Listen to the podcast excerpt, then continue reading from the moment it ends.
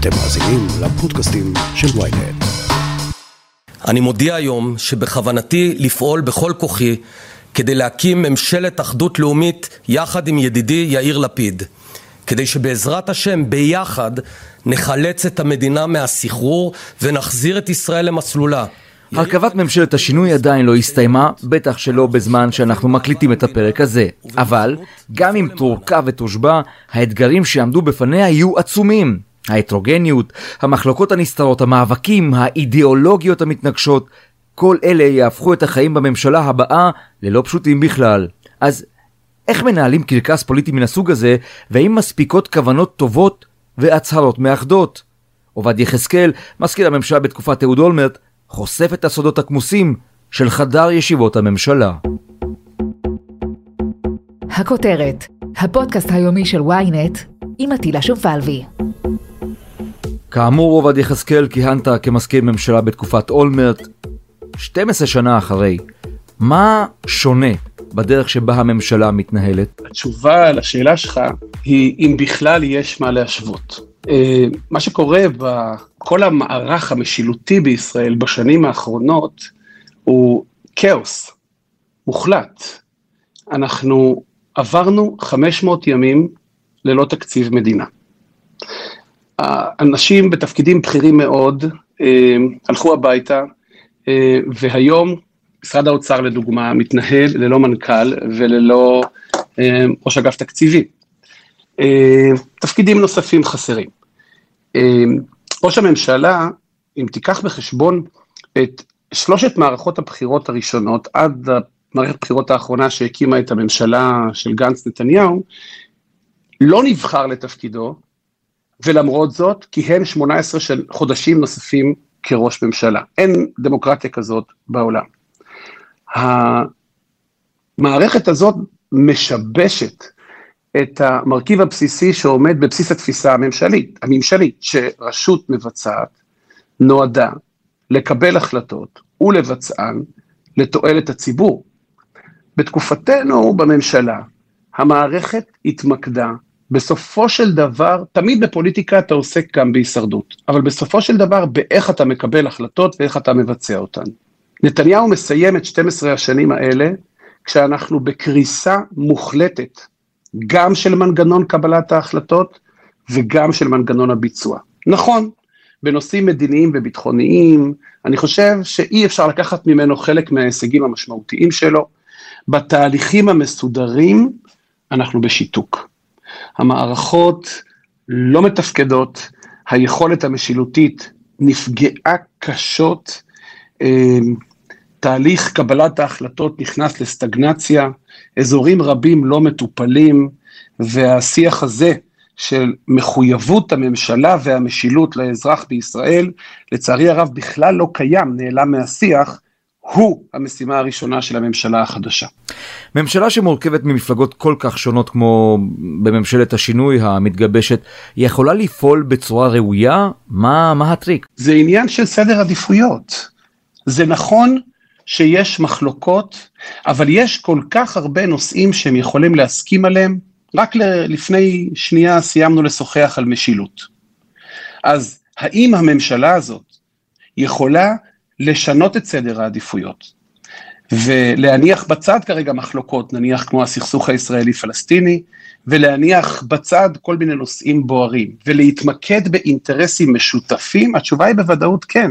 אתה יודע, כל פעם שצוות גם במקומות עבודה וגם uh, בממשלה, uh, בוחר את האינטרסים שבהם הוא מתעסק, הוא יכול לבחור באינטרסים מנוגדים, אבל באותה מידה הוא גם יכול לבחור באינטרסים משותפים ובאינטרסים משלימים. יש כל כך הרבה עבודה שחייבים לעשות כדי לתקן קלקולים. אנחנו בסוף, המבחן שלנו, אטילה, הוא לא רק איך תעבוד הממשלה הזאת, אלא איך מדינת ישראל בת ה-73 תגיע לשנת המאה שלה חזקה יותר, תגיע לשנת המאה שלה בטוחה יותר, גם, גם בביטחון אזרחי וגם בביטחון מדיני אה, ביטחוני. ואתה יודע מה? יש כאן אולי הזדמנות שלא הייתה 73 שנה. בוא לרגע נחשוב. אנחנו מנהלים כל הזמן את המחלוקות שלנו, הפוליטיות, האידיאולוגיות הגדולות, לדוגמה, אה, הסכסוך הישראלי-פלסטיני, יש כאלה שיגידו שאין סכסוך, יש כיבוש, אי אפשר להתעלם אה, אה, מהטיעון הזה, אה, אה, קח את הנושא של יחסי הרשות השופטת, הרשות המבצעת, נושאים כבדים מאוד. עד עכשיו אנחנו מנהלים אותם באופוזיציה קואליציה. מה התוצאה? אחד, לא פתרנו אותם, שתיים, הם, הם, הם העמיקו מאוד את הפערים, ושלוש, השיח הקצין מאוד, אה, כל צד אה, מנסה אה, להפוך להיות צודק ופחות מחויב ליכולת למצוא איזושהי פשרה שתעדיף את האינטרס הציבורי. בפעם הראשונה, הקואליציה הולכת לקיים בינה לבין עצמה שאלות, לקיים דיון בשאלות מאוד מאוד גדולות של החברה הישראלית. אם הם יעבדו נכון, אם הם יחליטו להסתכל על ההזדמנות שטמונה בעובדה שסוף סוף יש קואליציה אחת שצריכה לתת תשובות לשאלות שעליהן אין הסכמה, הם יכולים לעשות את זה, ואולי הלימון הזה יכול להפוך ללימונדה. הטרוגניות אינה מתכון לקיפאון? מתי מים הופכים לקרח? כשהם נמצאים בתוך פריזר, כשהטמפרטורה מתחת לאפס. בהטרוגניות, הרי בעצם אזכור המילה הזאת על ידך, אנחנו, הטרוגני זה זז ממקום למקום, הטרוגני זה כזה שנע על סקאלה, הוא יכול להיות קר, הוא יכול להיות חם, ולכן לא. אתה יודע, אני גם חושב ששונות יכולה להיות יתרון גדול. diversity is an essence, נניח, משפט שאתה תשמע הרבה מאוד בעולם העסקי. העולם משתטח בשיטוח הזה, היכולת של ספקטרום של נושאים, להסתדר אחד עם השני, היא, היא מעשה שבשגרה בחברה העסקית, היא מעשה שבשגרה בחברה האזרחית. למה זה לא יכול להיות מעשה שבשגרה גם בהקשר הפוליטי, או בהקשר המדינתי-משילותי? שוב, בסופו של דבר זה סיפור של אנשים. ומה אנשים מעדיפים. עכשיו נכון, בפוליטיקה, אז האינטרסים הפוליטיים גם משחקים תפקיד, וגם הולכים להיות מבחנים קשים. בוא לא נליט את, את פנינו בידינו ואם תהיה הסלמה ביטחונית, אה, אה, אם תהיה הידרדרות אה, כלכלית, אם באמת יגיעו סוגיות כמו פיצול תפקיד היועץ המשפטי לממשלה, אנחנו צפויים לראות את החבורה הזאת עוסקת בשאלות מאוד מאוד מכשילות ומאוד קשות, חלקן בשליטתה וחלקן לא בשליטתה, הרי מר נתניהו וחבורתו לא ייתנו דקה אחת של שקט. אה, לממשלה החדשה ויתסיסו, אם תהיה פה העדפה של טובת המדינה על פני האינטרסים הפוליטיים, אני מאמין שהטרוגניות יכולה להיות מתכון לפתרון ולא לקיפאון. עד כמה זה קריטי שמזכיר הממשלה יהיה איש חזק? שאלה שגורמת לי להנח. יש לי הערכה עצומה למזכירות הממשלה. הייתה לי זכות ענקית אישית לעמוד בראש הגוף המסור, המקצועי והמהוגן הזה. זה אי של שפיות, מקצועיות, יושרה, אין לי מילים. ואתה יודע, טילה, דיברתי עם חברים לאורך השנים האחרונות במזכירות הממשלה. התחושות שם קשות מאוד. אני זוכר שכשאולמרט מינה אותי למזכיר הממשלה, בכל זאת זה היה לאחר 14 שנים שבהם עבדנו ביחד, הייתי עוזרו, הייתי יועצו, ביקשתי ממנו בקשה אישית אחת. אמרתי לו, תראה, לטובתך, אבל גם לטובתי. אני רוצה שתסתכל לי בעיניים ותגיד לי שאתה מבין שאני לא העוזר שלך יותר, שאני לא היועץ שלך יותר, שאני מזכיר הממשלה כולה, ואני אייצג מולך את כלל שרי הממשלה. אתה ראש הממשלה, אתה ראש הצוות הזה, אתה ראש הדירקטוריון הזה, אבל אני צריך להיות בחובת נאמנות כלפי כולם. ולהגינותו ייאמר שהוא אמר לי בחיוך, כמובן, אני גם מצפה לזה ממך. והמעשה הראשון שעשיתי כמזכיר ממשלה, היה להגיד לו, אוקיי, אז עכשיו אני רוצה להגיד לך שאני חושב שטעית כשמינית את יורם טורבוביץ' ליושב ראש צוות המשא ומתן לקראת אנפוליס, ולא את ציפי לבני, שרת החוץ. והוא כעס על הדברים האלה, אבל הוא הקשיב להם, והוא ידע לקרוא לציפי לבני ולהפוך את ציפי לבני ליושבת ראש צוות המשא ומתן לקראת אנפוליס. אני חייב לומר לך שכשאני ראיתי בבחירות האחרונות את מזכיר הממשלה, מצלם את פתק ההצבעה מחל ומעלה אותו לרשתות החברתיות, מה אני אגיד לך, אטילה? היה לי מחנק בגרון. יש דברים שלא עושים. מזכיר הממשלה צריך להיות נאמן לממשלה, למדינה, לריבון, למקום שבו מתקבלות ההחלטות לתועלת הציבור. הוא יכול להיות נאמן לראש הממשלה, הוא יכול להיות נאמן לצד פוליטי מסוים, אבל אלה יבואו במספר 5 ו-6 ו-7. במקום 1 עד 5 יבואו רק אזרחי ישראל, החוק, קיום החוק, נאמנות מוחלטת לכלל מרכיבי הממשלה ומסירות נאמנה למקצועיות של התהליך. זה לא המצב היום. עובד, האם היית מרכיב מנגנון לפירוק מוקשים שיטפל במשברים בממשלה? אני לא בטוח שצריך להקים מנגנון לפירוק מוקשים, או מנגנון לטיפול במשברים. ממשלה מטבעה מטפלת במשברים. משבר הוא אירוע שאתה צריך לדעת לטפל בו נכון. המונח משבר הוא הזדמנות הוא לא קלישאה, הוא המלצה לבחירה. זה לא נכון לפחד ממשברים. ברגע שאתה מקים מנגנון לפירוק משברים, אתה מראש אומר, אה, אוקיי, יש משבר, אני עכשיו צריך להעביר אותו אל הלא טבעי. לא נכון. המצב הטבעי של ממשלה הוא מצב משברי. האנשים שאנחנו, העם, בוחרים ושולחים לטפל במשברים האלה, הם אנשים שאנחנו רוצים שיטפלו במשברים. ולכן, במקום להקים מנגנון לפירוק מוקשים, צריך להפוך את המשבר לשגרה, ואת ניהול המשבר לשגרה, ולפעול כך שכשאתה במשבר זה כואב, וקצת צועקים, וגם קצת לא נקי, ויש לחץ, ויש דרמה, ולפעמים גם יש משברים שנגמרים לא טוב. אבל ברוב המוחלט של המקרים, משברים מביאים חיים, חיים, חיים חדשים לאוויר העולם. ואם זה יהיה הקונספט, אם החברים ש... אתה יודע מה, ואני חייב לומר לך פה, פה משהו. יש משהו אצל בנט ולפיד שהולכים לעמוד בראש הממשלה הזו, ואצל הרבה מאוד שרים אחרים שיש לי באמת זכות ענקית להכיר אותם על בסיס אישי, יש להם אינטרסים פוליטיים, ברור, אבל יש להם גם מחויבות אמיתית, אמיתית, מהמקום הנכון, מהמקום הטוב, לטובת הציבור ולטובת המדינה. אני נותן להם קרדיט. אני נותן להם קרדיט. אני חושב שמדובר בחבורה שתדע לקחת משבר ולהסתכל עליו גם בחלקים הקשים שלו, אבל להגיד, חברים, בסוף בואו נעשה פה לידה טובה, בואו נבטיח שמה שיצא מהכיסא הזה, מה שיצא מהמשבר הזה, זה חיים חדשים לאוויר העולם.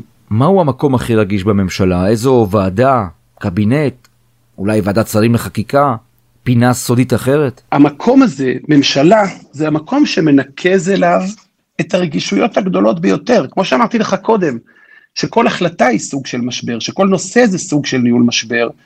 אותו דבר גם כאן, כל נושא שמגיע לממשלה הוא רגיש.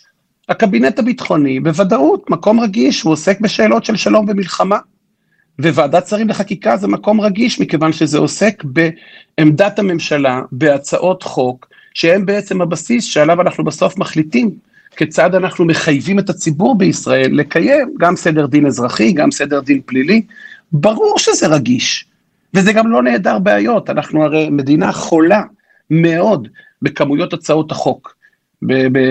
בעשר השנים שבין 2005 ל-2015 הונחו על שולחן הכנסת 12 אלף הצעות חוק, במדינות אחרות בעולם כמו אנגליה במקום השני הונחו רק 500. אנחנו הפכנו את החקיקה, זה לכשעצמו אירוע מאוד מורכב, לכלי שבאמצעותו אנחנו רוצים לתת פתרון ל...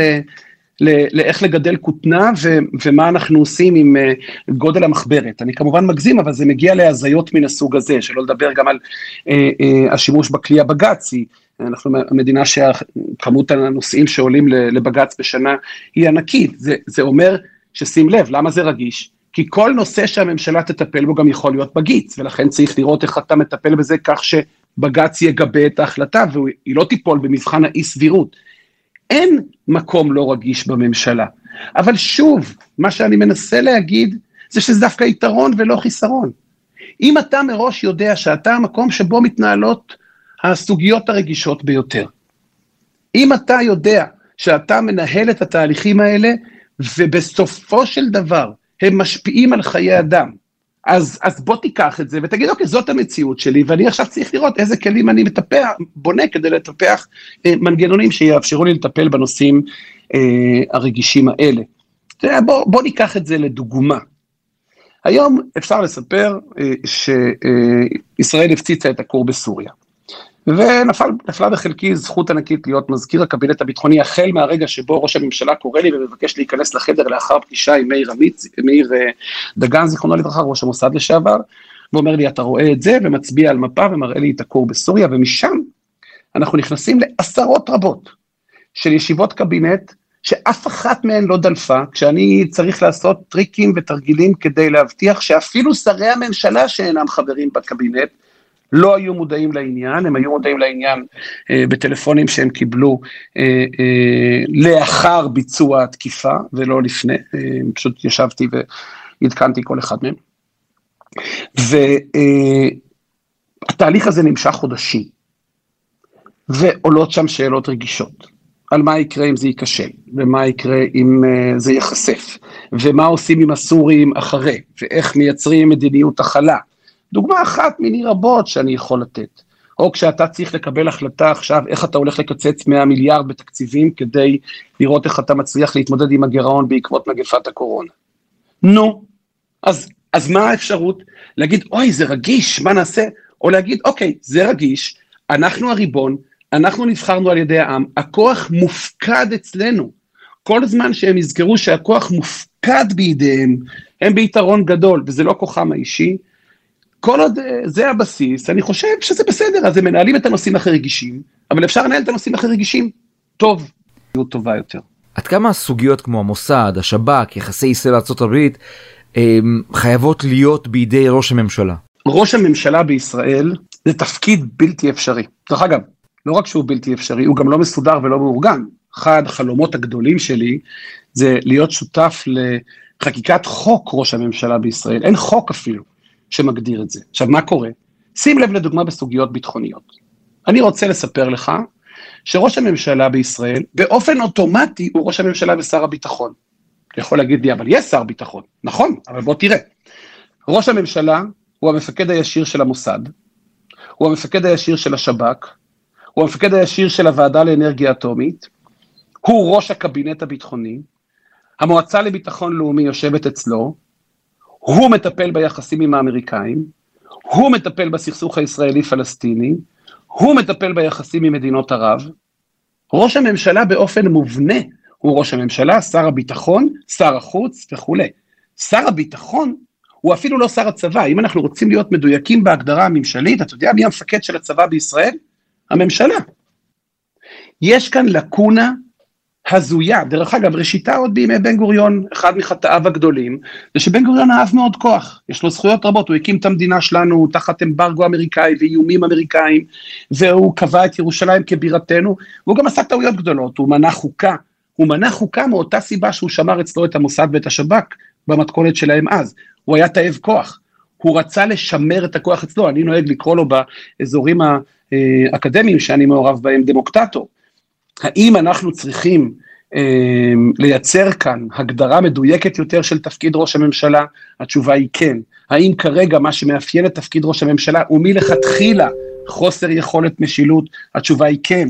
האם הוא, מש... האם הוא מחזיק בידיו סמכויות שבן אדם רגיל לא יכול ולא צריך להחזיק ואפילו לא מורם מעם? התשובה היא כן. האם כרגע בנט יכול לוותר על זה באופן לא מושכל ולשחרר את זה תחת הסכמים קואליציוניים? התשובה היא לא. אלה מערכות ענקיות, אלה מסורות ענקיות, אלה פרוטוקולים, אלה, זה, זה אחריות ענקית.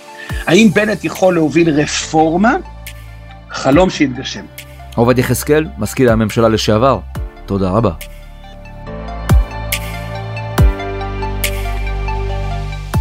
עד כאן הכותרת להיום, מחר נהיה כאן שוב עם פרק נוסף. אתם יכולים להאזין לנו בוויינט, בספוטיפיי, באפל ובכל אפליקציות הפודקאסטים באשר הן. אם יש לכם הערות, בקשות או רעיונות, אתם מוזמנים ליצור קשר באמצעות האימייל podcaststrudelwynet.co.il ולפנות אליי ישירות דרך הטוויטר או דרך הפייסבוק. נשתמע מחר.